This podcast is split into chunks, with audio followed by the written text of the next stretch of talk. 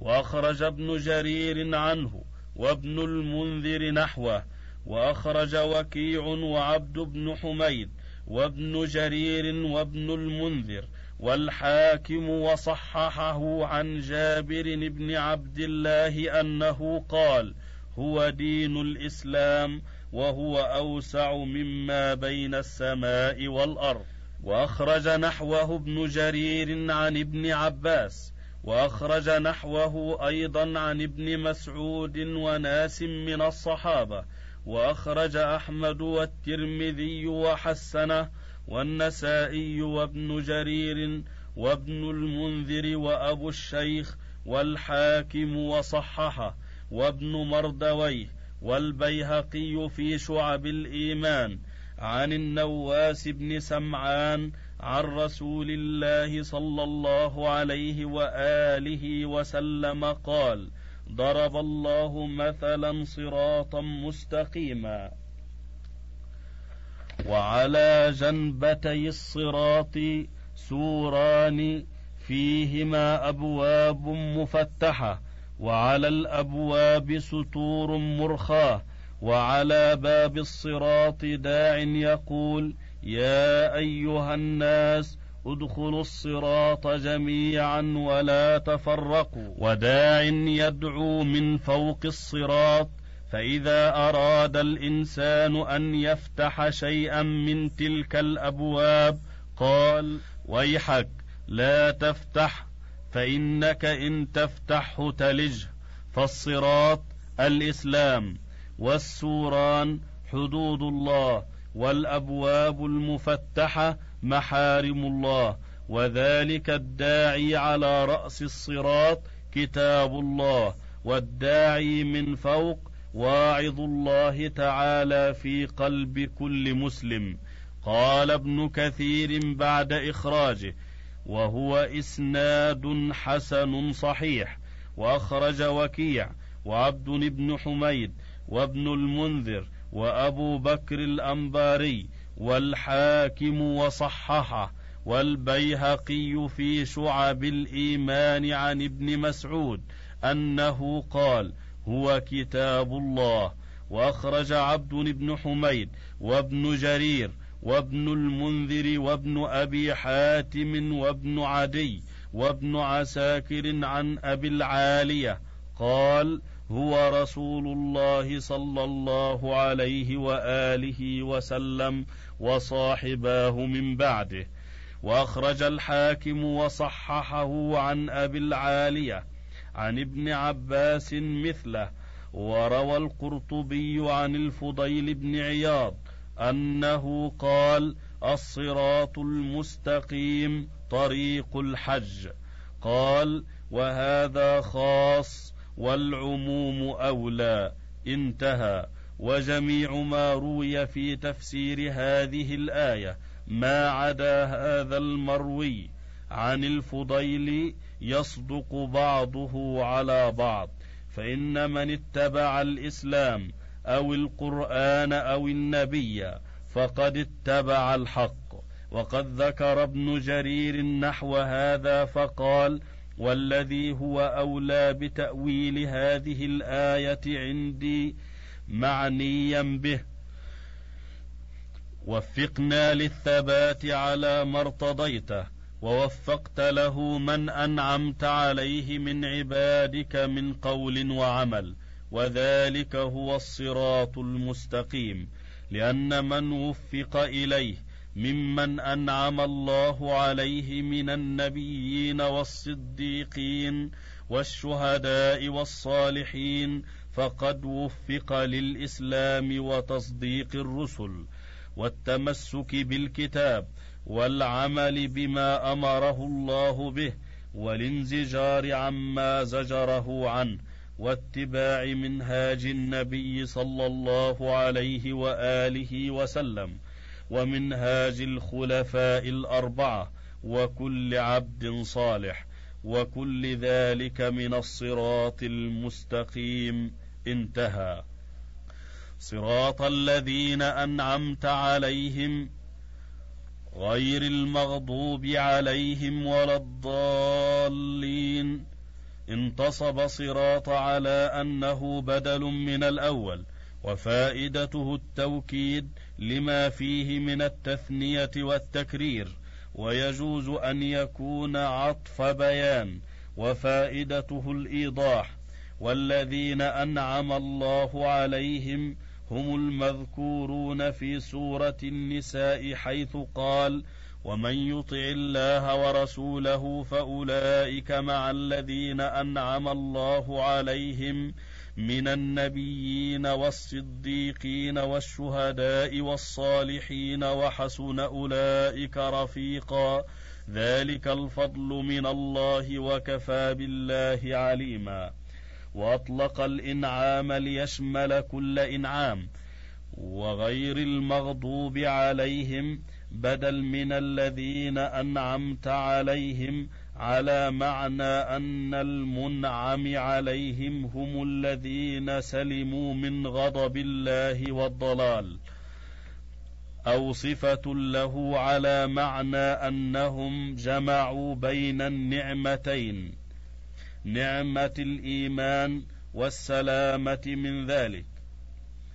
وصح جعله صفة للمعرفة مع كون غير لا تتعرف بالإضافة إلى المعارف لما فيها من الإبهام لأنها هنا غير مبهمة لاشتهار المغايرة بين الجنسين. والغضب في اللغة قال القرطبي الشدة ورجل غضوب أي شديد الخلق والغضوب الحية الخبيثة لشدتها. قال ومعنى الغضب في صفة الله إرادة العقوبة فهو صفة ذاته أو نفس العقوبة. ومنه الحديث إن الصدقة لتطفئ غضب الرب فهو صفة فعله. قال في الكشاف هو إرادة الانتقام من العصاة وإنزال العقوبة بهم.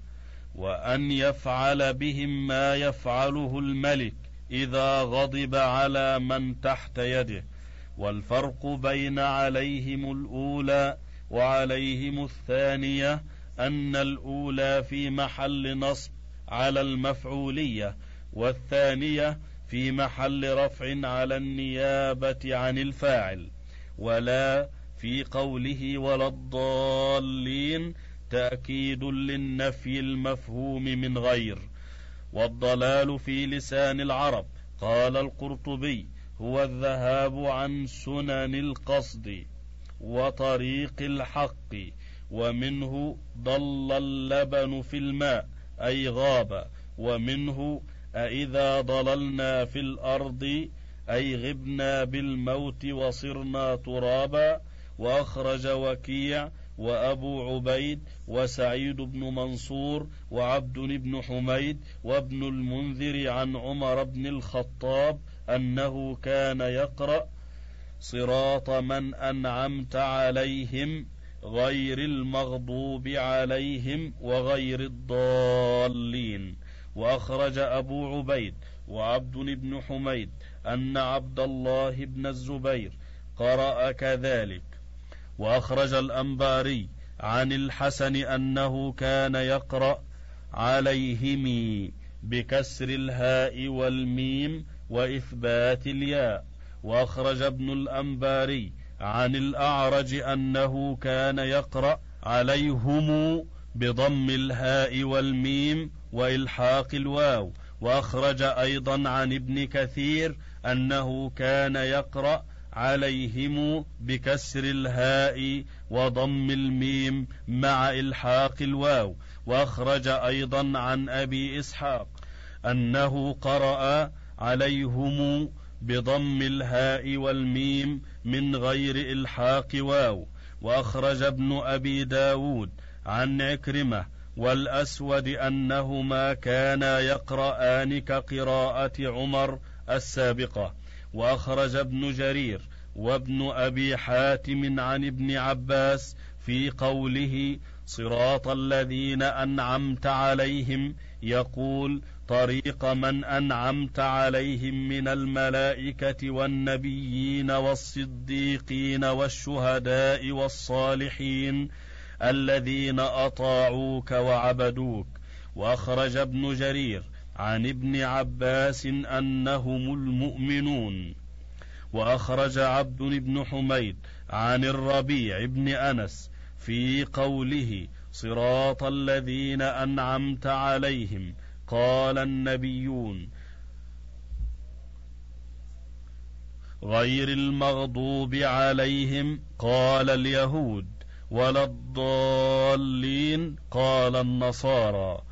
وأخرج عبد بن حميد عن مجاهد مثله وأخرج أيضا عن سعيد بن جبير مثله وأخرج عبد الرزاق وأحمد في مسنده وعبد بن حميد وابن جرير والبغوي وابن المنذر وأبو الشيخ عن عبد الله بن شقيق قال أخبرني من سمع رسول الله صلى الله عليه وآله وسلم وهو بوادي القرى على فرس له وسأله رجل من بني القين فقال من المغضوب عليهم يا رسول الله؟ قال اليهود. قال فمن الضالون؟ قال النصارى. وأخرجه ابن مردويه. عن عبد الله بن شقيق عن أبي ذر قال سألت رسول الله صلى الله عليه وآله وسلم فذكره. وأخرج وكيع وعبد بن حميد وابن جرير عن عبد الله بن شقيق قال كان رسول الله صلى الله عليه وآله وسلم يحاصر أهل وادي القرى فقال له رجل إلى آخره ولم يذكر فيه أخبرني من سمع النبي كالأول. وأخرجه البيهقي في الشعب عن عبد الله بن شقيق عن رجل من بني القين عن ابن عم له أنه قال أتيت رسول الله صلى الله عليه وآله وسلم فذكره وأخرجه سفيان بن عيينة في تفسيره وسعيد بن منصور عن إسماعيل بن أبي خالد أن النبي صلى الله عليه وآله وسلم قال المغضوب عليهم اليهود والضالون النصارى. وأخرجه أحمد وعبد بن حميد والترمذي وحسنه وابن جرير وابن المنذر وابن أبي حاتم وابن حبان في صحيحه عن عدي بن حاتم قال قال رسول الله صلى الله عليه وآله وسلم إن المغضوب عليهم هم اليهود وإن الضالين النصارى. وأخرج أحمد وأبو داود وابن حبان والحاكم وصححه والطبراني عن الشريد قال مر بي رسول الله صلى الله عليه وآله وسلم وأنا جالس هكذا وقد وضعت يدي اليسرى خلف ظهري واتكأت على ألية يدي. فقال أتقعد قعدة المغضوب عليهم؟ قال ابن كثير بعد ذكره لحديث عدي بن حاتم وقد روي حديث عدي هذا من طرق وله ألفاظ كثيرة يطول ذكرها انتهى. والمصير إلى هذا التفسير النبوي متعين وهو الذي أطبق عليه أئمة التفسير من السلف. قال ابن أبي حاتم لا أعلم خلافا بين المفسرين في تفسير المغضوب عليهم باليهود والضالين بالنصارى ويشهد لهذا التفسير النبوي آيات من القرآن. قال الله تعالى في خطابه لبني إسرائيل في سورة البقرة بئس ما اشتروا به أنفسهم أن يكفروا بما أنزل الله بغيا. أن ينزل الله من فضله على من يشاء من عباده فباءوا بغضب على غضب وللكافرين عذاب مهين. وقال في المائدة قل هل أنبئكم بشر من ذلك مثوبة عند الله من لعنه الله وغضب عليه وجعل منهم القردة والخنازير وعبد الطاغوت.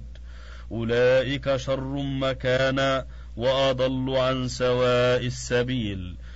وفي السيرة عن زيد بن عمرو ابن نفيل أنه لما خرج هو وجماعة من أصحابه إلى الشام يطلبون الدين الحنيف.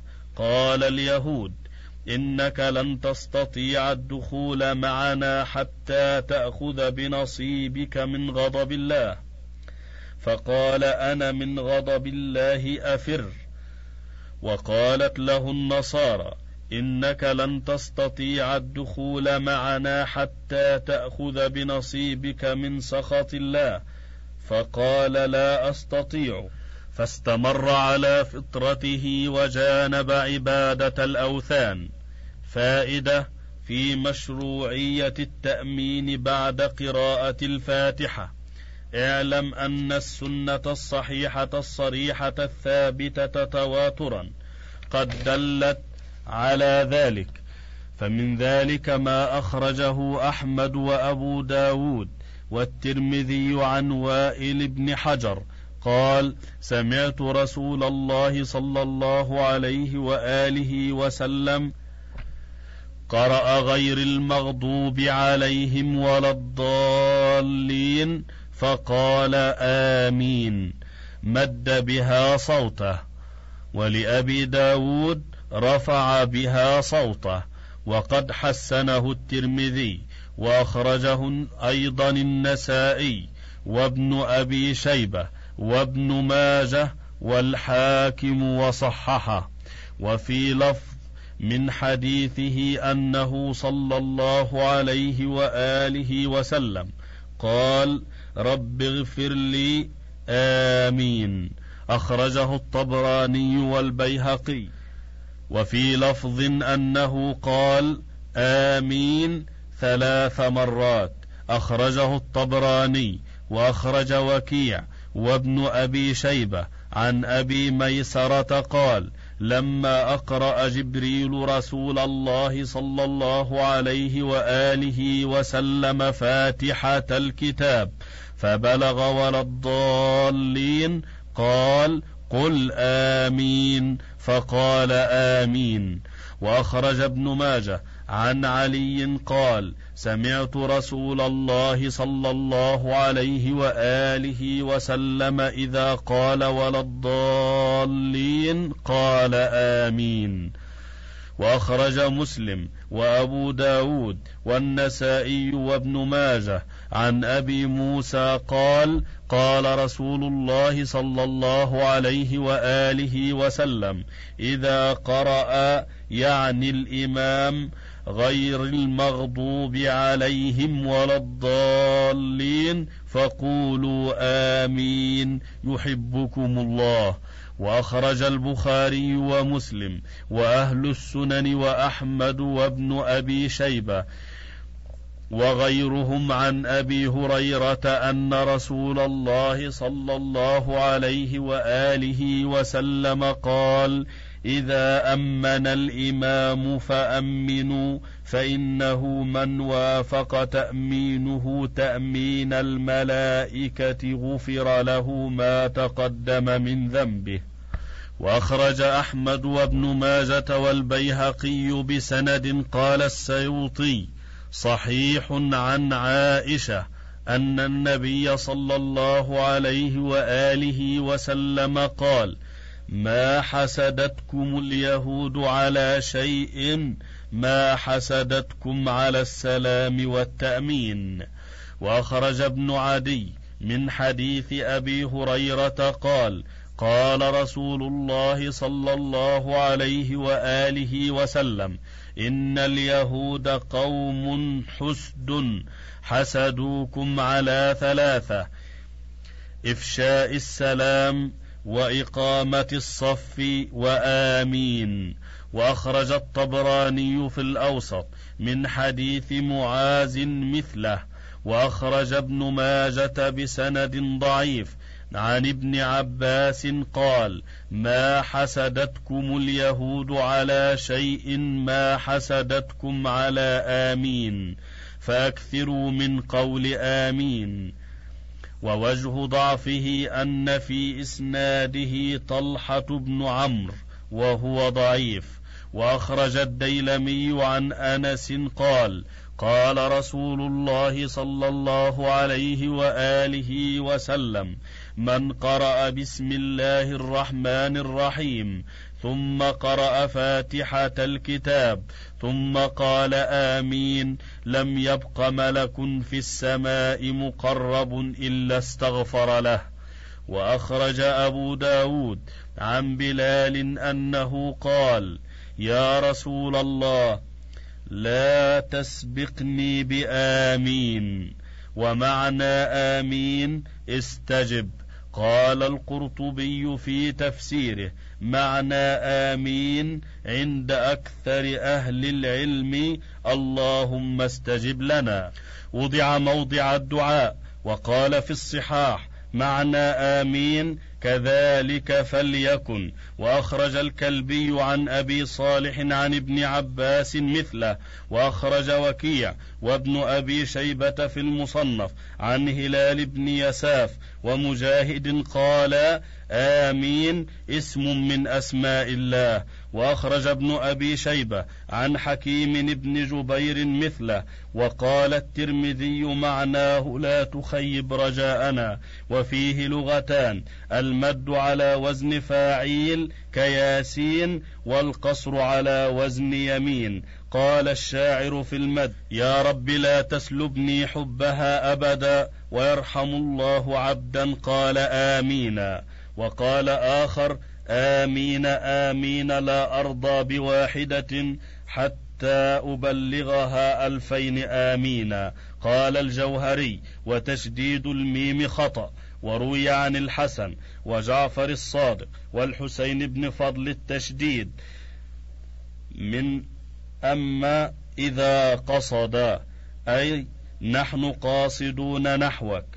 حكى ذلك القرطبي. قال الجوهري وهو مبني على الفتح مثل أين وكيف لاجتماع الساكنين وتقول منه أمن فلان تأمينا وقد اختلف أهل العلم في الجهر بها وفي أن الإمام يقولها أم لا وذلك مبين في مواطنه.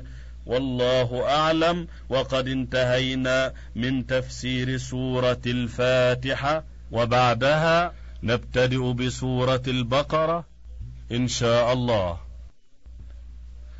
تفسير سورة البقرة.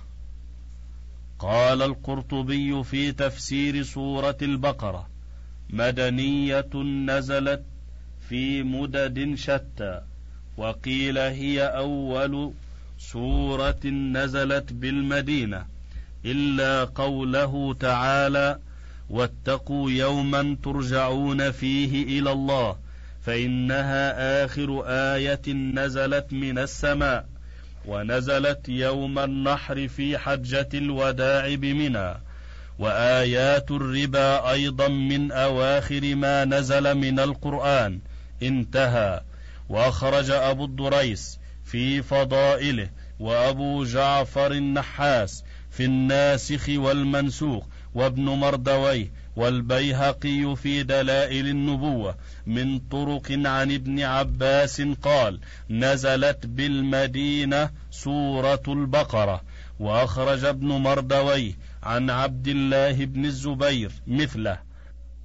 وأخرج أبو داود في الناسخ والمنسوخ عن عكرمة قال أول سورة أنزلت بالمدينة سورة البقرة.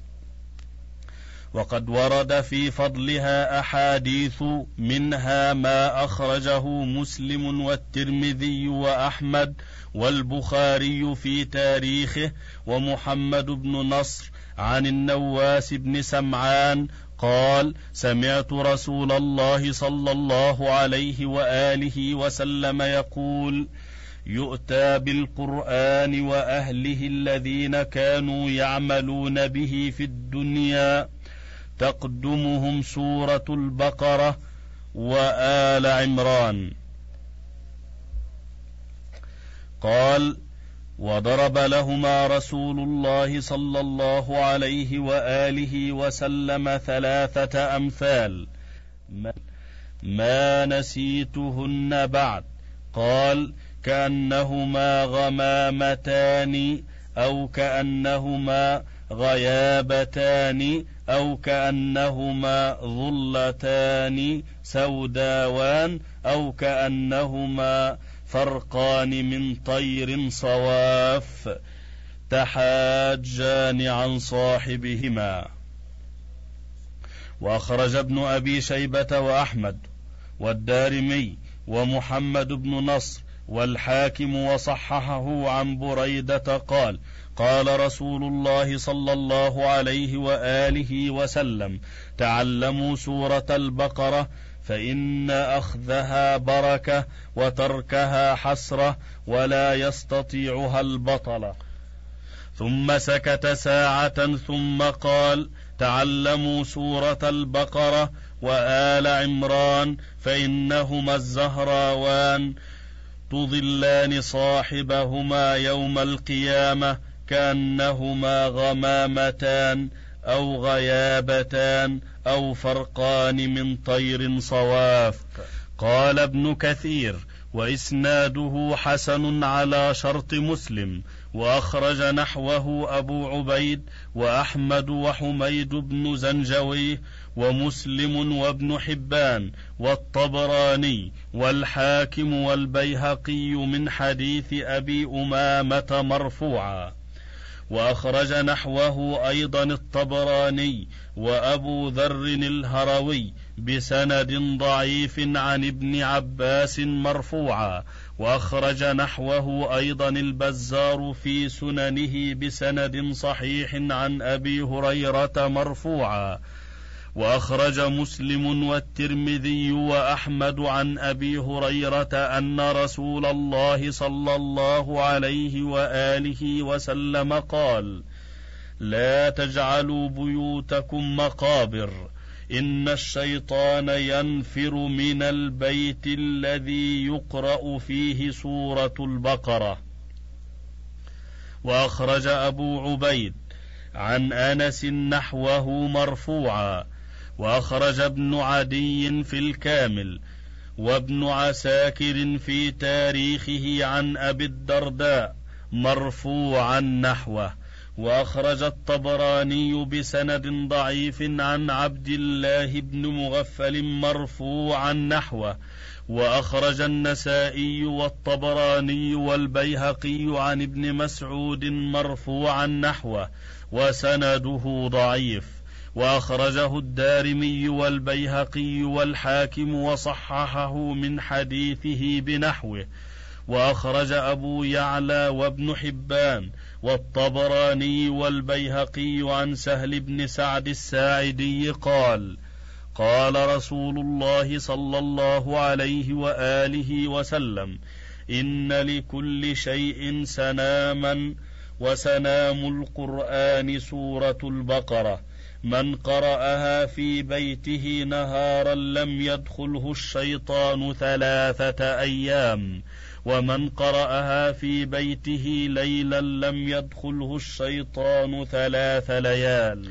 وأخرج أحمد ومحمد بن نصر والطبراني بسند صحيح عن معقل بن يسار أن رسول الله صلى الله عليه وآله وسلم قال البقرة سنام القرآن وذروته ، نزل مع كل آية منها ثمانون ملكا، واستخرجت الله لا إله إلا هو الحي القيوم من تحت العرش فوصلت بها. وأخرج البغوي في معجم الصحابة وابن عساكر في تاريخه عن ربيعة الجرسي قال سئل رسول الله صلى الله عليه وآله وسلم أي القرآن أفضل؟ قال السورة التي يذكر فيها البقرة. قيل فأي البقرة أفضل؟